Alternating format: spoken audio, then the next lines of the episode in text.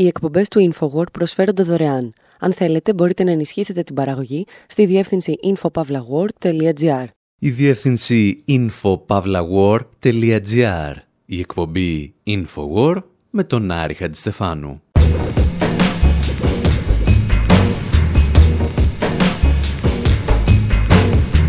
όπου σήμερα συζητάμε για ένα πραξικόπημα που δυστυχώς έμεινε στην αφάνεια.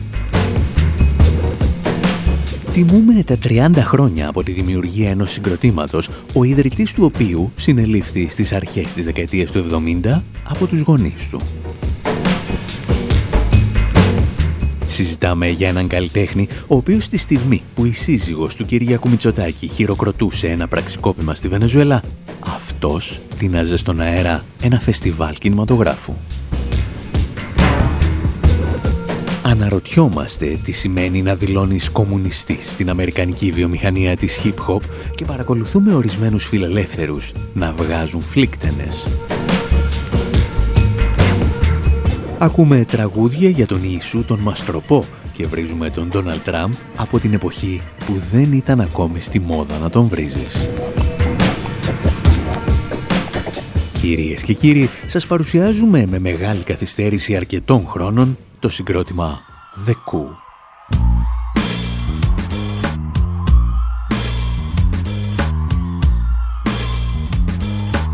presto. Read the Communist Manifesto. Gorillas in the midst of Guevara and Manesto. So, what a brother with an afro now. Yo, go afloat for the Mac, and we the hoe. So grow, cause the Lucian brothers might get hung. Rhetoric flowing from the tip of my mouth. Say tongue deficit. Money spit. Catch the glint. Oh, my nine, as they cut welfare 25%.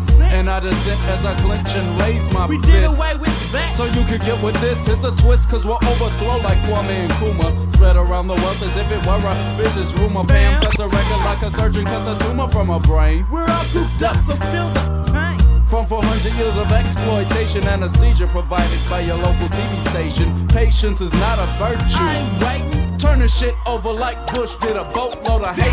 Dig it, dig it, dig it, dig it, dig it, dig it.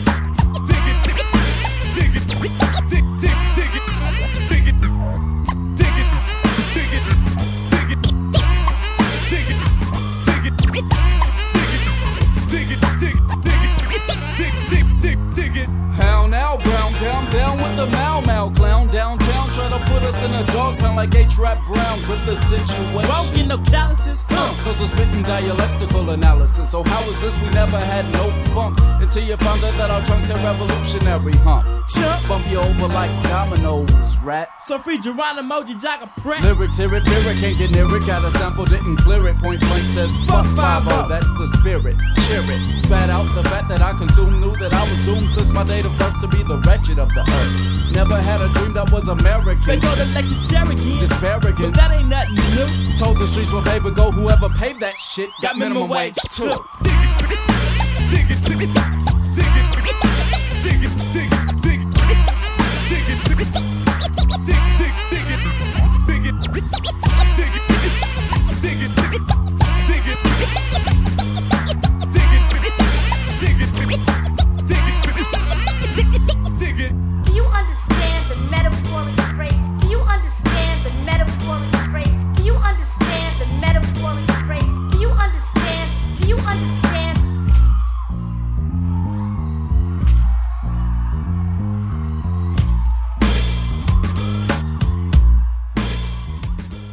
Ο τίτλος του τραγουδιού που ακούμε είναι Dig It, δηλαδή θάψτο, και είναι απόλυτα συνεπής με τον τίτλο του άλμπουμ, στο οποίο περιέχεται το Kill the Landlord, δηλαδή σκότωσε το σπιτονικοκύρι σου.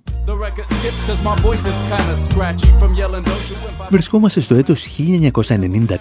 Το συγκρότημα The Coup έχει μόλις κυκλοφορήσει την πρώτη του δισκογραφική δουλειά και θέλει να τα πει όλα από το πρώτο κομμάτι. Μέσα σε λίγες γραμμές καταφέρνει να μας μιλήσει για το κομμουνιστικό μανιφέστο, τον Τσεγκεβάρα, τον Μάο Τσετούγκ, τον ριζοσπάστη πρόεδρο της Γκάνα Κβάμεν Κρούμαχ και τον μαύρο πάνθυρα Τζερόνιμο Πράτ. Στις λιγοστές ανάσες που του είχαν απομείνει, ο τραγουδιστής ασκούσε επίσης σκληρή κριτική στον George Bush, το FBI και την αστυνομία Και κάπως έτσι, με το καλημέρα, οι Κου ξεκαθάρισαν στον κόσμο ότι δεν πρόκειται ποτέ να κάνουν καριέρα στα καθεστωτικά μέσα ενημέρωσης και στις μεγάλες δισκογραφικές.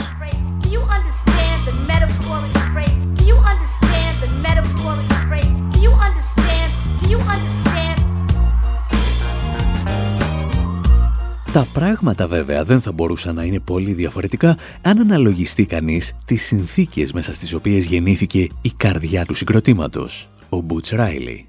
Κάπου εκεί, στις αρχές της δεκαετίας του 70. Now I shall tell a story that's filled with words that start with the letter N.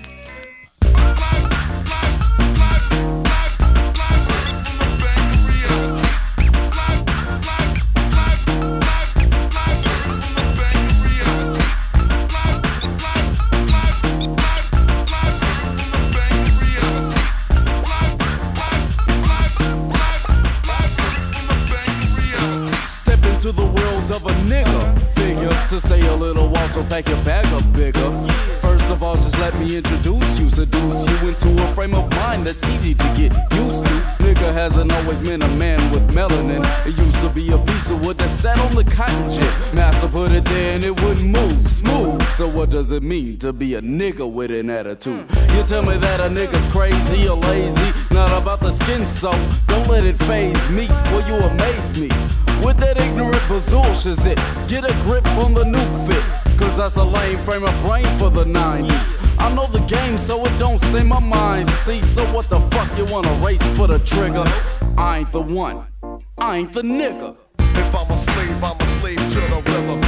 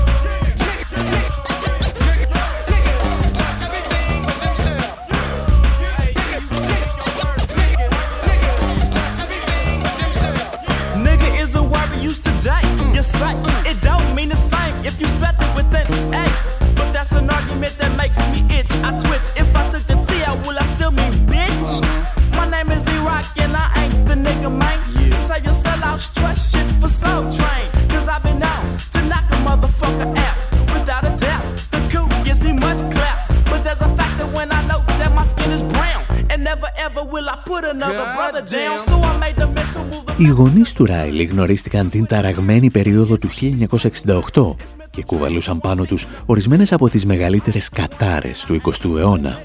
Η μητέρα του, Ανίτρα Πάτρισον, προερχόταν από οικογένεια Εβραίων που αναγκάστηκαν να εγκαταλείψουν την Ευρώπη το 1938 για να γλιτώσουν από την χιτλερική θηριωδία. Και ο πατέρας του ήταν γνωστός Αφροαμερικανός δικηγόρος για τα κοινωνικά δικαιώματα.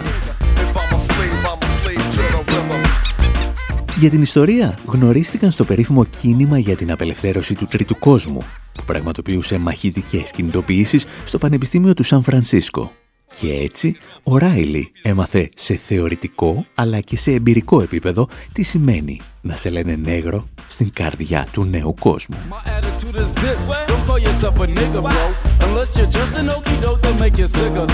Cause it's all about a mind, tame mind frame. The system is a chess game where pawns are the same. Until we change our mind to rough from raunches. Identify yourself, it's a part of being conscious. If I call myself a gangster, then I rob you with a gat. If I call myself a brother, then you know I got your back. If I call myself oppressed, then I'm clear on where I'm at. But if I call myself a nigga, what the fuck is that? Don't be the coolie or the moolie or the boo with the jigger. Don't be the one. Don't be the nigga. If I'm a slave, I'm a Αυτές οι εμπειρίες θα μετουσιωθούν σε μια πολύ σοβαρή κοσμοθεωρία, την οποία οι Κου θα επιχειρήσουν να παρουσιάσουν σε ένα τραγούδι.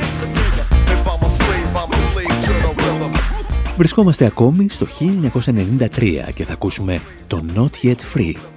Η σκέψη απλή και καθαρή το πολιτικό σύστημα των ΗΠΑ είναι τόσο τυραννικό απέναντι σε τμήματα του πληθυσμού, ώστε πρέπει να ανατραπεί από ένα μαζικό κίνημα το οποίο θα χρησιμοποιήσει ως εργαλεία τις γενικές απεργίες και άλλες ριζοσπαστικές ενέργειες.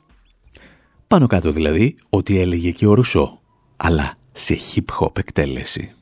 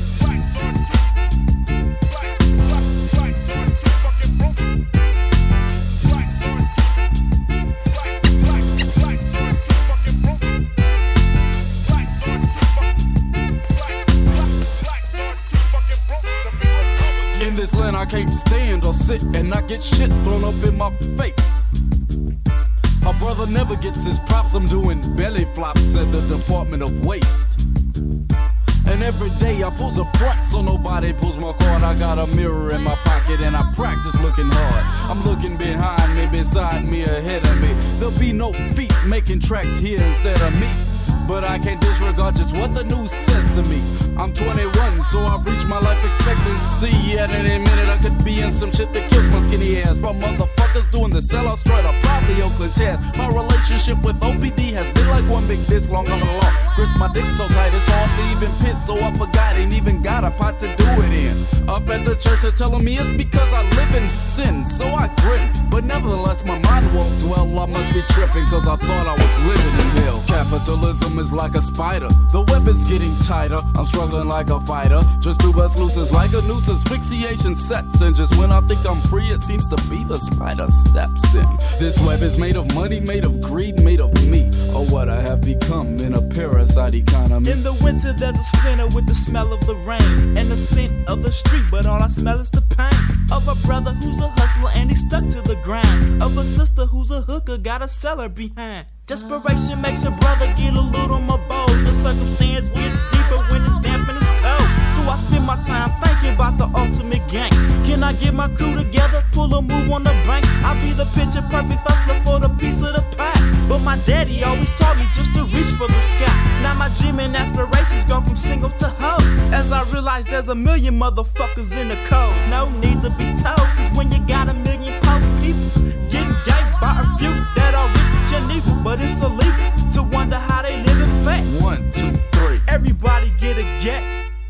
Το Not Yet Free που ακούμε περιγράφει την καθημερινότητα σε ένα αμερικανικό γκέτο, όπου ο καπιταλισμός, όπως λέει, σφίγγει τον ιστό του μέχρι να σε πνίξει. Οι κου τραγουδούν μεταξύ άλλων για τα μαύρα κορίτσια που εκπορνεύονται παραφύση, τους άστεγους αλλά και τους νεαρούς μαύρους που το μόνο στο οποίο έχουν να ελπίζουν είναι να μάθουν να παίζουν καλό μπάσκετ.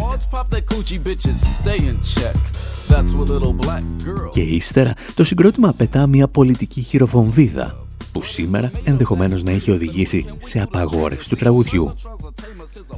Από τότε λέει που φορούσα πάνες ήταν σαφές ότι ο πρόεδρος δεν μας γουστάρει. Και στην επόμενη απόπειρα δολοφονίας, εγώ θα είμαι με τον ελεύθερο σκοπευτή. We interrupt. There's been a late development. Shots reported fired outside the hotel where President Reagan spoke a short while ago. Here's Bernard Shaw in our Washington bureau.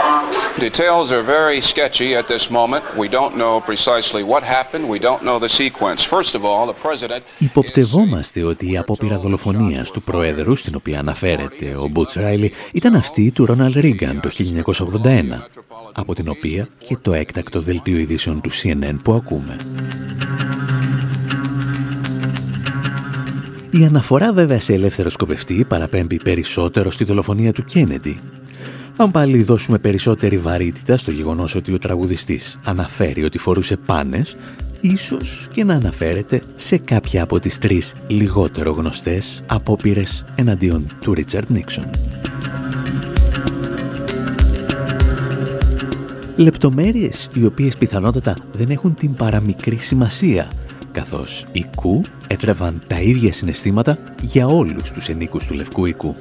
Για την ιστορία μάλιστα ήταν οι πρώτοι που άρχισαν να βρίζουν δημόσια τον Ντόναλτ Τραμπ όταν ακόμη δεν ήταν στη μόδα να το κάνεις. Ακούστε αυτό και εξηγόμαστε.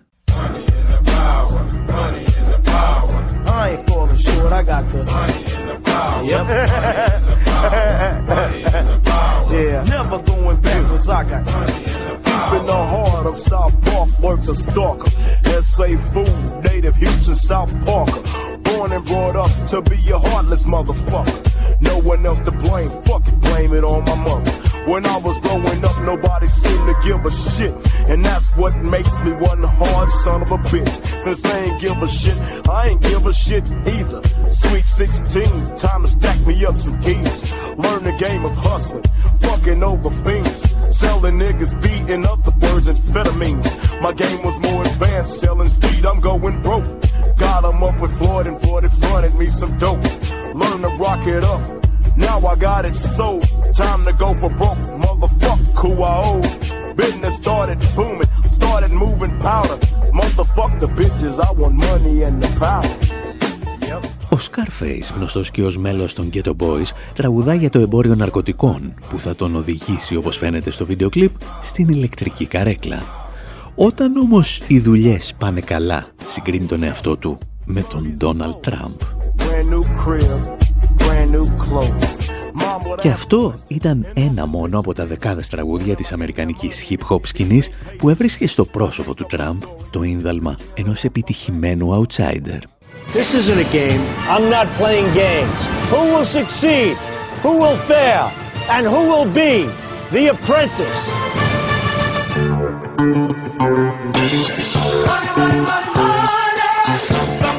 Όταν ακόμη ο Τραμπ μεσουρανούσε στο τηλεοπτικό στερέωμα των ΗΠΑ με το τηλεπαιχνίδι The Apprentice, μεγάλο τμήμα του μαύρου πληθυσμού της χώρας έβλεπε με συμπάθεια τον μετέπειτα πρόεδρο των ΗΠΑ.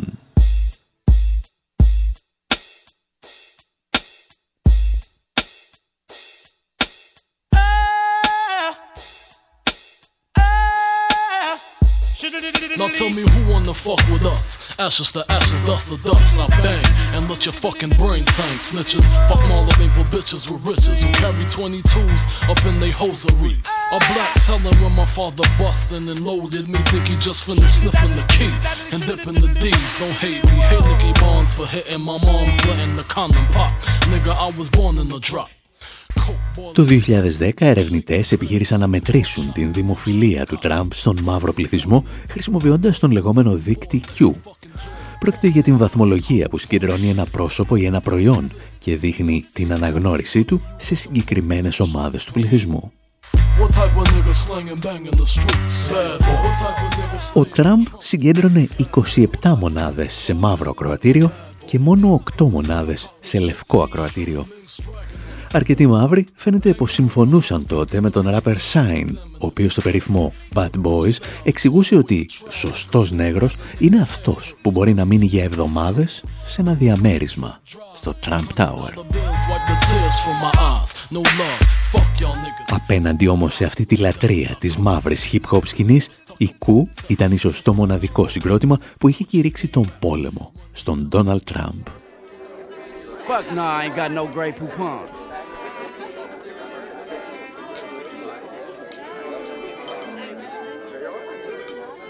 Well, anyway, I said, that's no burglar, that's my butler. Mr. Rockefeller, let me in on the gossip. I heard you and Mr. Getty are getting into rap music or something. Yes, we have this thing we do with our voices. We sing like authentic rappers. Oh, David, you must do it for us. Well, if they can make this music more funky. Let me see if I can do my voice like those rappers. Here we go. Here we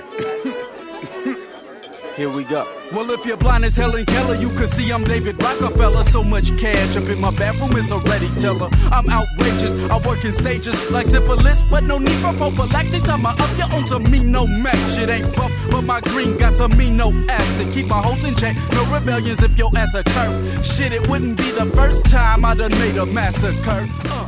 Στο τραγούδι τους Pimps, οι Κου βάζουν τρεις νταβατζίδες του αμερικανικού κεφαλαίου να συναγωνιστούν σε μια μάχη freestyle rap.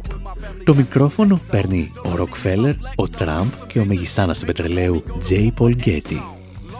Και όλοι εξηγούν με ποιους τρόπους εκμεταλλεύονται τους ανθρώπους για να πλουτίζουν. Όταν ο Ντόναλτ Τραμπ άρχισε να φλερτάρει με την ιδέα να κατέβει στις εκλογές για την Προεδρία των ΗΠΑ, λέγεται ότι υπήρχαν μόνο δύο ραπ τραγούδια που τον αντιμετώπιζαν υποτιμητικά. Και τα δύο ανήκαν στους σκου. Εσείς μένετε εδώ, γιατί έχουμε να διηγηθούμε αρκετές ακόμη ιστορίες από την περιπετειώδη πορεία ενός τραγουδιστή που τολμούσε να δηλώνει κομμουνιστής στο prime time της Αμερικανικής τηλεόρασης. Στο μεταξύ, να θυμάστε πως όλες μας οι ιστορίες βρίσκονται και ανανεώνονται καθημερινά στη σελίδα μας info.pavlawar.com από εκεί θα μας βρείτε στα social media, θα κατεβάσετε παλιές εκπομπές, βιβλία και ντοκιμαντέρ και θα μάθετε πώς αντιλαμβανόμαστε όσα συμβαίνουν γύρω μας.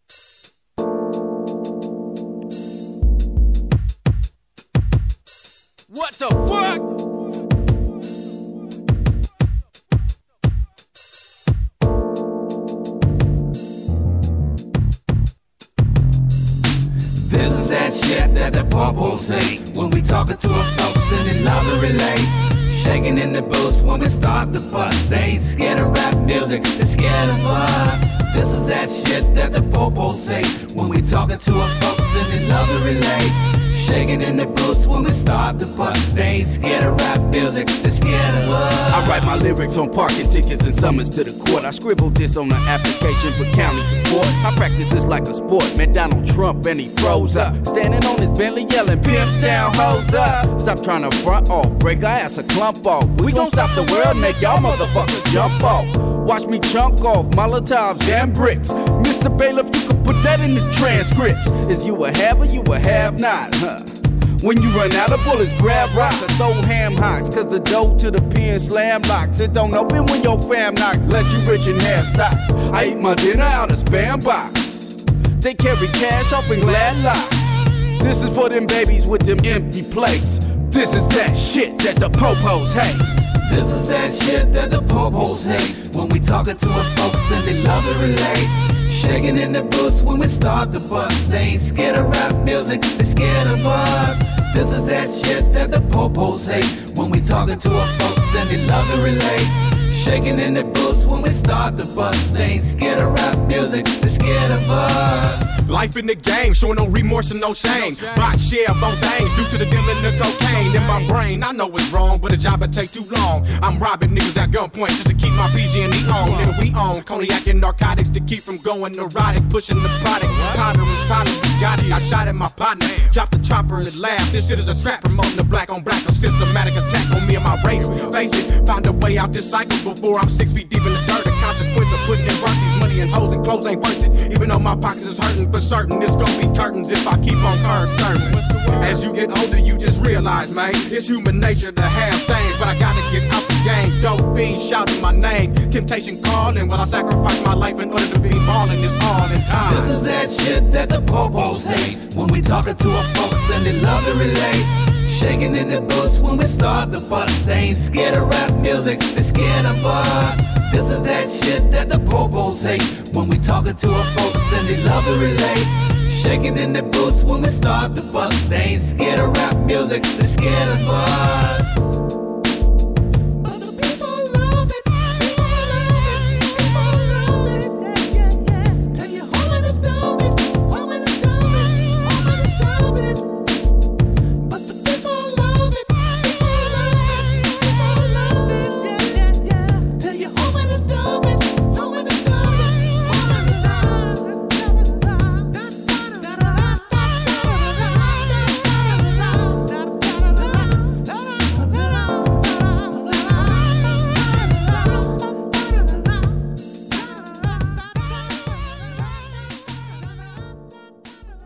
Οι εκπομπές του InfoWord προσφέρονται δωρεάν. Αν θέλετε, μπορείτε να ενισχύσετε την παραγωγή στη διεύθυνση infopavlagor.gr.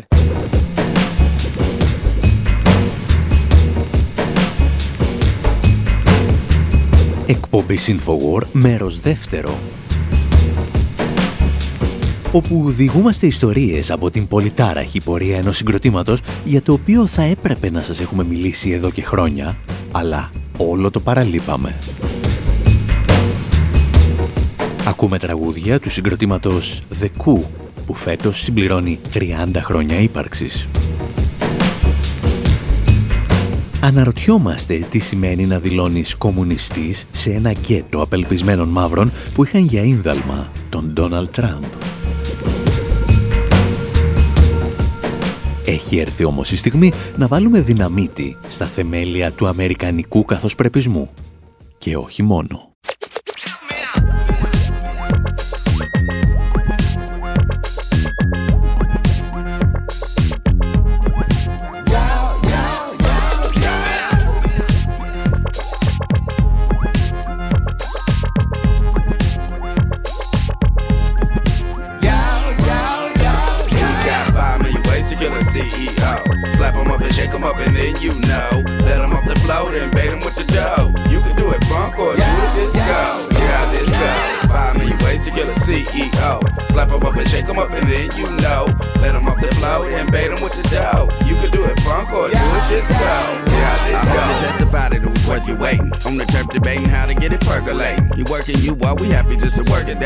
I'ma slap him till my blood starts circulating. Do your checks have elasticity? Did they cut off your electricity? Did you scream and yell explicitly? Force the boss into complicity. I'm a white chalk stencil, but I push a pencil. Rolling dope fiend rentals, to your residential. Broke as fuck eating lentils with no utensil. Finna teach pimp class with a hoe credential. Sweatshops, pet cops, and fields of cola. Murder babies with their molars on the areola. Control the Pope, Dalai Lama, holy rollers, and the Ayatollah. Bump this rolling in your bucket or your new Corolla. Or you might catch me on the scenic route with my penis out, yelling twines for the executives with the meanest mouth. Wanna know what this the meanest mouth? City try to clean us out. Greenest cloud, shut them down. I ain't never seen a drought. Interview, but they ain't calling you back. For the record, I ain't called it a gap. But tuck this in the small of your back. Wait in the bathroom stall till I tap. Yeah. Got five million ways to kill a CEO. Slap him up and shake him up and then you know. Let him off the floor, then bait him with the dough. You can do it funk or do it disco. Yeah, this go. Five million ways to kill a CEO. Slap him up and shake him up and then you know. Let him off the floor, then bait him with the dough. You can do it funk or do it disco. Yeah, this game ain't slow, it's the creeper. If you a janitor, get a street sweeper. Ugly is even skin deeper. If you can't get the prayers, get the vapor. They made the murder scene before there was a coroner. I might have been born here, but I'm a foreigner. Spilling swigs for victims of pigs and not Feeney's kid. Flip off the lid, who you pulling for? You too could be a corporate green killer, bean spiller. Uh, gangster love just like Steve Miller. They wear skivvies that's made of chinchilla. Factory in Mexico, bought a spring villa. I'm from the land where the Panthers grew. Το τραγούδι που ακούτε έχει τίτλο 5 Million Ways to Kill a CEO 5 εκατομμύρια τρόποι να σκοτώσεις έναν διευθύνοντα σύμβουλο. Και ενώ είναι πρακτικά αδύνατο να χωρέσεις 5 εκατομμύρια τρόπους σε ένα κομμάτι των 5 λεπτών, οι κου κάνουν ό,τι καλύτερο μπορούν τραγουδούν μεταξύ άλλων για τα ημερομίσθια των σκλάβων, αλλά και τους πραγματικούς σκλάβους στα εργοστάσια του Μεξικού και διανθίζουν τις ιστορίες τους με αναφορές στον Πάπα, τον Δαλάη Λάμα και κάτι αγιατολάδες στο Ιράν. Το συγκεκριμένο άλμπουμ με τίτλο Party Music προκάλεσε θυελώδεις αντιδράσεις. Το παράδοξο ήταν ότι δεν τις προκάλεσε για το περιεχόμενό του, αλλά για το εξώφυλλό του. Το άλμπουμ είχε προγραμματιστεί να κυκλοφορήσει το Σεπτέμβριο του 2001 και είχε ένα εξώφυλλο που θα έκανε τον Οστράδαμο και τον Γέροντα Παστίτσιο να κρυφτούν από ντροπή. Τα μέλη του συγκροτήματος πυροδοτούσαν έναν εκρηκτικό μηχανισμό και τίναζαν στον αέρα τους δίδυμους πύργους. This just in, you are looking at a, obviously a very disturbing live shot there. That is the World Trade Center, and we have unconfirmed reports this morning that a plane has crashed into one of the towers of the World Trade Center. The CNN Center right now is just beginning to work on this story. Obviously, Στις 11 Σεπτεμβρίου του 2001, καθώς ένα μετά το άλλο τα αμερικανικά τηλεοπτικά δίκτυα διέκοπταν την κανονική ροή του προγραμματός τους για να μεταδώσουν τις πρώτες εικόνες από τους δίδυμους πύργους, τα μέλη των δεκού πρέπει να κάθονταν σε έναν καναπέ, κοιτάζοντας με απορία το εξώφυλλο του δίσκου τους που αναμένονταν να κυκλοφορήσει.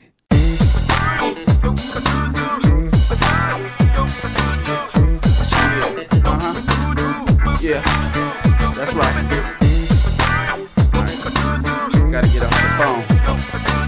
that's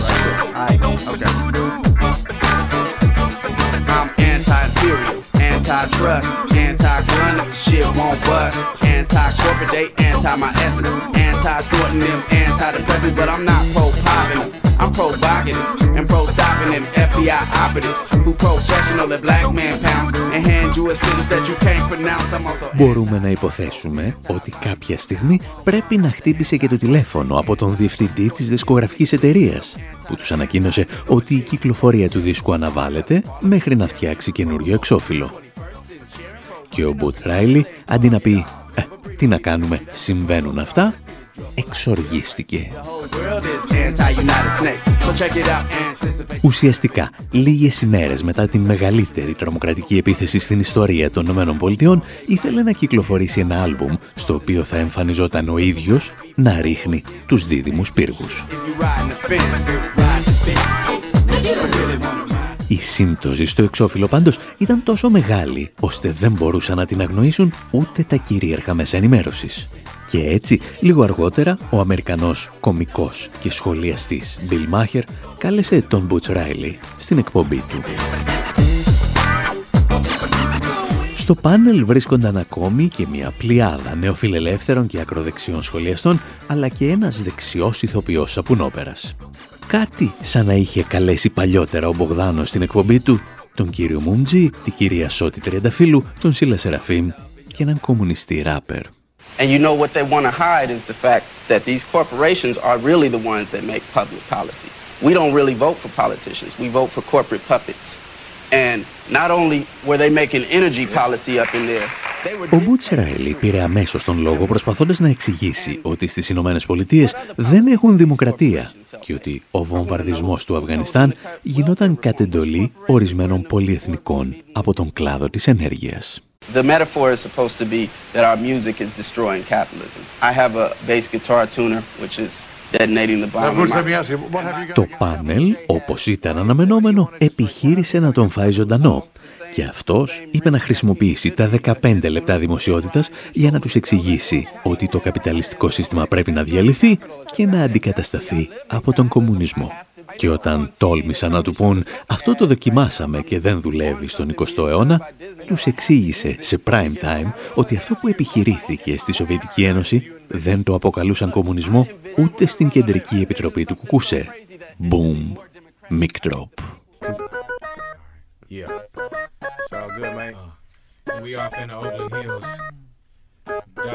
time.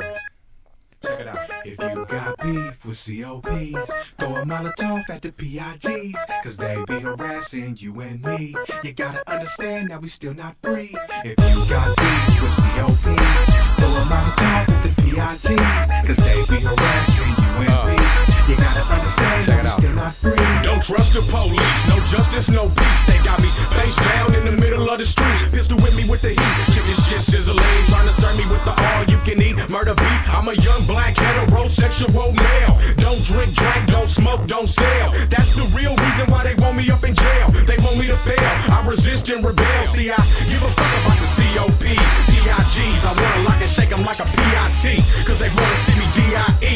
Tommy Cash under my I'm a pre-OG. Dark Soviet socialist, bitches, venomous, vocalist, chrome, fofo, total, holding it down for Oakland. Flows least smoking in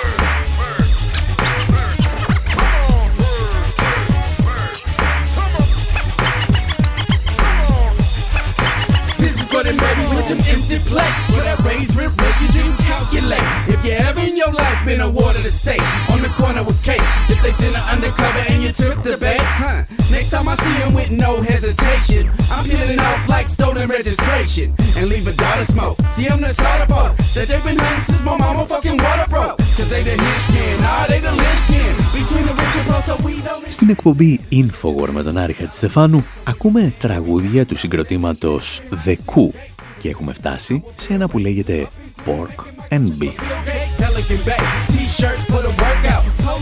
Σε ένα άλμπουμ που ο τραγουδιστής ανατείναζε τους δίδυμους πύργους και πρότεινε 5 εκατομμύρια τρόπους για να σκοτώσεις τον CEO της γειτονιάς σου, το τραγούδι που ακούμε πέρασε μάλλον απαρατήρητο. Κάτι έλεγε για βόμβες Μολότοφ και χοιρινό με μοσχαράκι. Αλλά ποιος του έδινε σημασία; Ο Μπούτς Ράιλι πάντως θα συνεχίσει να θέτει σε εφαρμογή τις προτροπές του Μαγιακόφσκι.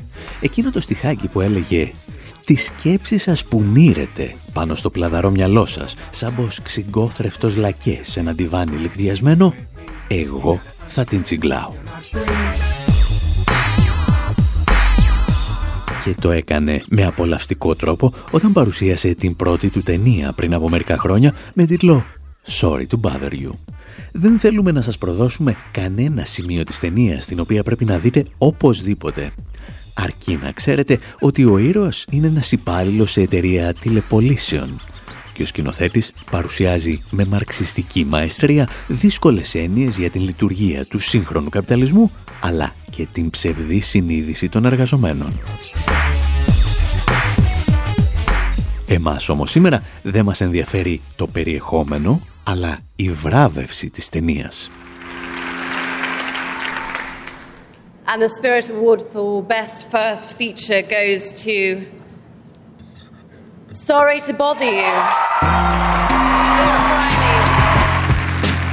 Ο Μπούτς Ράιλι ανεβαίνει στη σκηνή για να παραλάβει ένα από τα πολλά βραβεία καλύτερης ταινίας, αυτή τη φορά στο φεστιβάλ Film Independent Spirit Awards και ξεκινά λέγοντας μερικές βαριές κουβέντες για την ταινία του και για το Hollywood.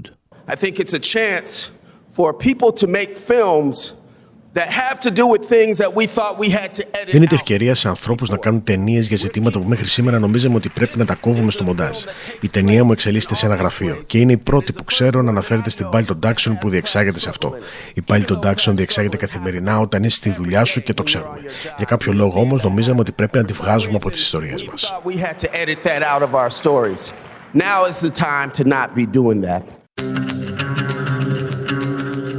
Και ενώ όλοι νομίζουν ότι τα δύσκολα πέρασαν, ο Μπούτς θυμάται ότι βρίσκεται σε εξέλιξη και ένα πραξικόπημα. Ήταν οι ημέρες που η σύζυγος του Έλληνα Πρωθυπουργού χειροκροτούσε τον πραξικοπηματία Χουάν Γκουαϊδό, ο οποίος προσπαθούσε να καταλάβει την εξουσία με την στήριξη της Ουάσιγκτον. Μόνο που ο Ράιλι αντιλαμβανόταν τις εξελίξεις με ελαφρώς διαφορετικό τρόπο. I also want to say that The CIA is trying to have a coup in Venezuela. Ήθελα επίσης να σας πω ότι η CIA επιχειρεί να πραγματοποιήσει πραξικόπημα στη Βενεζουέλα. Δεν έβλεπα ειδήσεις όσο βρίσκομαι εδώ, οπότε μπορεί να συμβαίνει καθώς μιλάμε. Γι' αυτό πρέπει να ενώσουμε όλοι τις φωνές μας για να σταματήσουμε τις ΗΠΑ να ανατρέψουν μια κυβέρνηση για το πετρέλαιο στη Βενεζουέλα.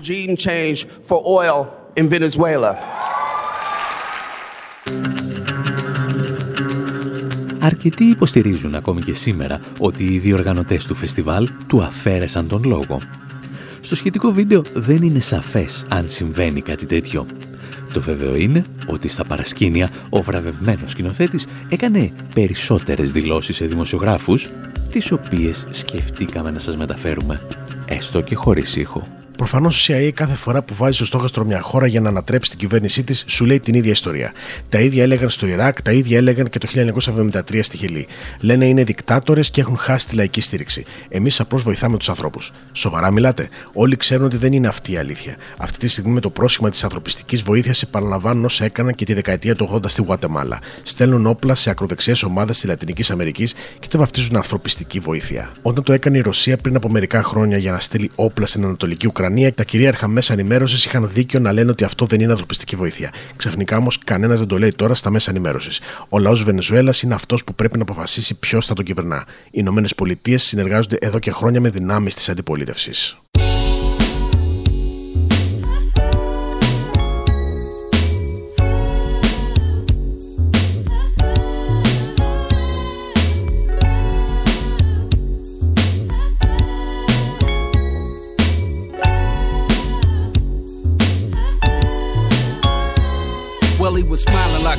As he rolled up the horticulture. Ignited it and said, I hope the vapors don't insult you. What I replied, denied, but mixing weed and hot. His head was nine up and down like he agreed a lot. Board said we need a plot. I comply, let's spot. Hopped in the Granada, he's impressed by the beat I got. His name is Jesus, but his pimp name is Jesus. Slapped a hold of pieces with his plastic prosthesis. Nigga, don't you know that I'm your daddy? Said he. This is true, plus he schooled me for my Mackin degree. Never flee, try not to flee, make niggas pee when you stick around. This man my mama had found, told me to put it down. I press the gas to the ground to show that I'm a hound. Make sure they gear up a sound that's heard throughout the town. 30 years ago, Jesus could pull a hoe quick, but now we 50 and his belly hang lower than his dick. Philosophy that he spit, stuck in my memory chip. And now we putting in a disc of Gladys Knight in the pit. And then that shit start to skip. He said somebody must have scratched it, put the 40 to his lips and brought the contents down the hatchet. Now since my adolescence, cause of his pimp lessons, smack my woman in the dental just for asking silly questions. Relationship reduction, either rock the box or such. Ain't got no close partner, I can't function from the penny with scribe on how to survive. Don't be Microsoft, be Macintosh with a hard drive. Used to tell me all the time to keep a bitch broke. Did I mention that my mama was his number one hope? Plunked a foley on the floor and placed his palm on the dash and wheezed out. Come on, man, make this motherfucker mash. Ain't gon' mash too fast, cause my tags ain't right. Me and Jesus the pimp in the 79 Granada last night.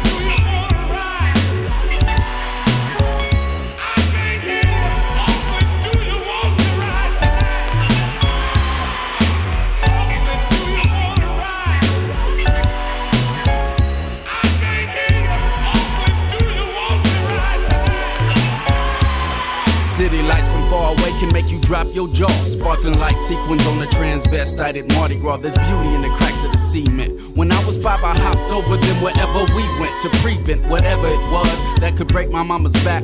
Little did I know that it would roll up in a Cadillac. And matter of fact, she couldn't see him like a cataract. And on the track, she went from beautiful to battle axe. And back at home, she would cry into her pillow, vomit in the commode.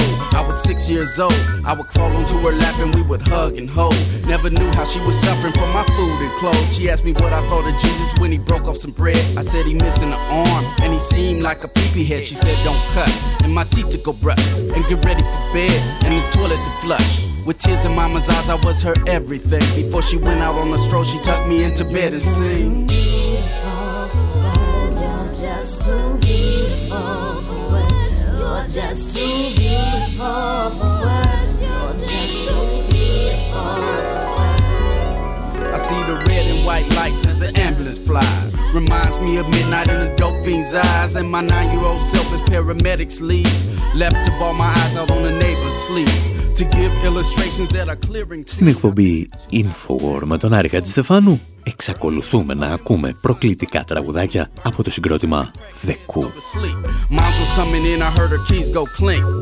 Έχουμε φτάσει στο σημαντικότερο για ορισμένους άλμπουμ τους που κυκλοφόρησε το 2002 με μια προτροπή στο εξώφυλλο κλέψε αυτό το άλμπουμ. Πρόκειται για παράφραση από τον τίτλο «Κλέψε αυτό το βιβλίο» που χρησιμοποίησε το 1971 μία από τις σημαντικότερες φιγούρες του κινήματος των Yippies στην Αμερική, ο Άμπι Χόφμαν. Το στυλ της άλμπουμ αποτελεί μια κοινωνική εκτινογραφία της εξαθλίωσης των Αμερικανικών γκέτο και ανάμεσα σε πολλά τραγούδια ξεχωρίζει αυτό με τον μεγαλύτερο τίτλο Me and Jesus the Pimp in a 79 Granada last night. Εγώ και ο Ιησούς ο Νταβατζής σε μια Γκρανάντα του 79 χθες το βράδυ. Όπου Γκρανάτα είναι ένα από τα πλέον αναγνωρίσιμα αυτοκίνητα που βλέπατε σε ταινίες της δεκαετίας του 70 και του 80 στην Αμερική. Όσο για τον Ιησού, είναι απλώς συνωνυμία με κάποιο νταβατζή. Το τραγούδι διηγείται την ιστορία ενός 9χρονου αγοριού που βλέπει την ιερόδουλη μητέρα του να φεύγει νεκρή σε ασθενοφόρο από το σπίτι. Και είναι μια ιστορία τόσο αμερικάνικη όσο και η μιλόπιτα.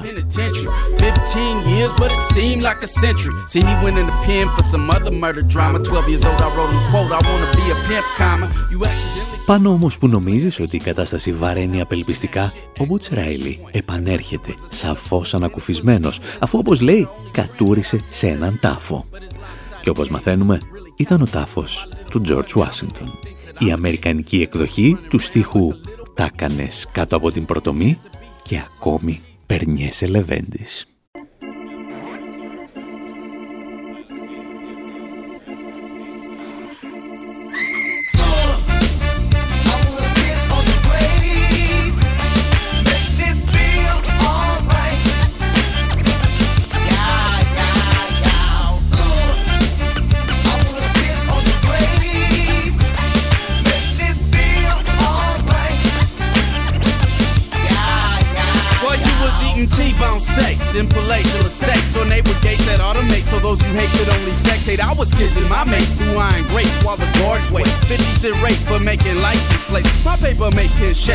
break from 808 quakes, over breaks. You got a great to sack from weight of the final plates. Good work to they back again, can they breast can't lactate. You laughing to the bank, smiling, showing all your black plates, contesting, contesting. One, two, three. Never should have been put in the penitentiary. Boots from the coop would like to say, I'll show these food stamps down your throat just to block your airway. And that's the fair way, cause every day you're on the move. I mention military killing millions till you're low on ammunition. Bodies beyond recognition, twisted complex position, and the kids working your factories and die malnutrition. See your net profit stats, hold some murderous facts. But if you listen to the news, you might have heard it was black. You got us hurting in shacks, I got the permanent tax. How about the one for when I bust my ass and you relax? I hit your head with an axe, play soccer with your brain. To make it official, slice your jugular vein. Still writing songs that my mama could sing. And if you feel some yellow drips on your skull, it ain't rain. Σε αυτό το σημείο όμως λέμε να σας αφήσουμε και για αυτή την εβδομάδα. Ποτέ μην ξεχνάτε ότι ανάμεσα στις εκπομπές μας βρίσκεται πάντα στη διεύθυνση info.pavlawar.gr Και με την ευκαιρία έχουμε καιρό να σας ευχαριστήσουμε όλους εσάς που εξασφαλίζετε ότι το site παραμένει ζωντανό με την οικονομική και κυρίως ηθική ενίσχυση που μας στέλνετε.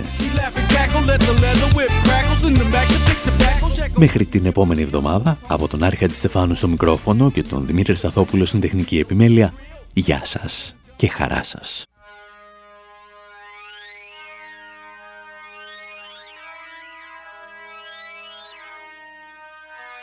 Dead prayers, the cool, people army, where the G's at? Come on.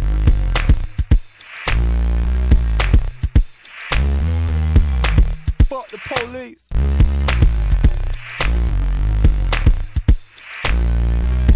Hey, y'all ready for this shit y'all trunk? Y'all ready to get this bitch crunk? You got to get up right now.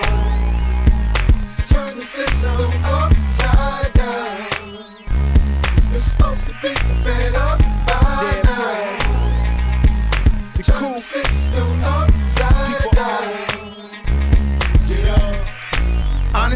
I'm against this government. I ain't got to cover it up, that's what I meant. Sick of paying bills and I'm sick of paying rent. Seem like I work all the time but don't know where the money went. And the funny shit is we supposed to like this shit. But all y'all politicians could bite this dick. It's a war going on, the ghetto is a cage. They only give you two choices, be a rebel or a slave. So what you do? So I rebel. Like an ulcer in the belly of the beast, staying true to it. Since my whole street days in the blue Buick. Niggas been fighting so long, seem like I'm used to it. Now what y'all know about how the cool do it? Truth fluid, Booth put the funk to it. Ain't nothing to it. This is for the G's all the way to the bay. From Frisco to Oakland, all over LA. You got to get up. Right now. Turn the system upside down. It's supposed to be fed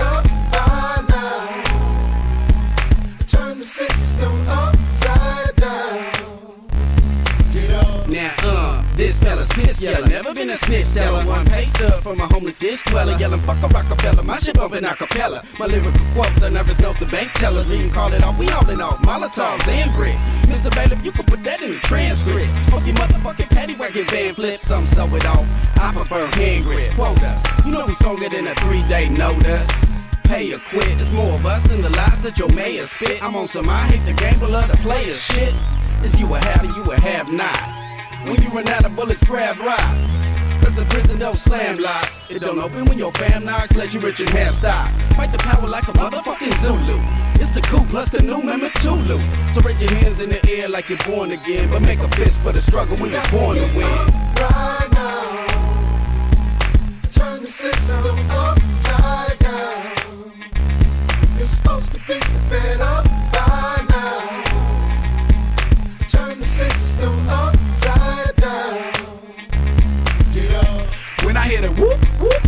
I them hoes. I can smell a pig coming, so I stay on my toes. On the low from Popo, so fuck the whole lease. Cause peace to me is loaded under my seat. And I know power respect that, so serve and protect that. I'm young, black, and just don't give a fuck. Try me. Grilling you right back, you better drive by me. We the people army is known to get rowdy. And even if you a friend of the blue, you can get it too. Snitching is never forgettable. This hell we live in is never forgivable. It come down to DP in the coop. Remember Huey, Bobby Hutton, George, Fred, and them. Fuck a pole pole, local state fed and them. You better choose your side. Crip, blood, 415. It's one team. Get up and let's ride.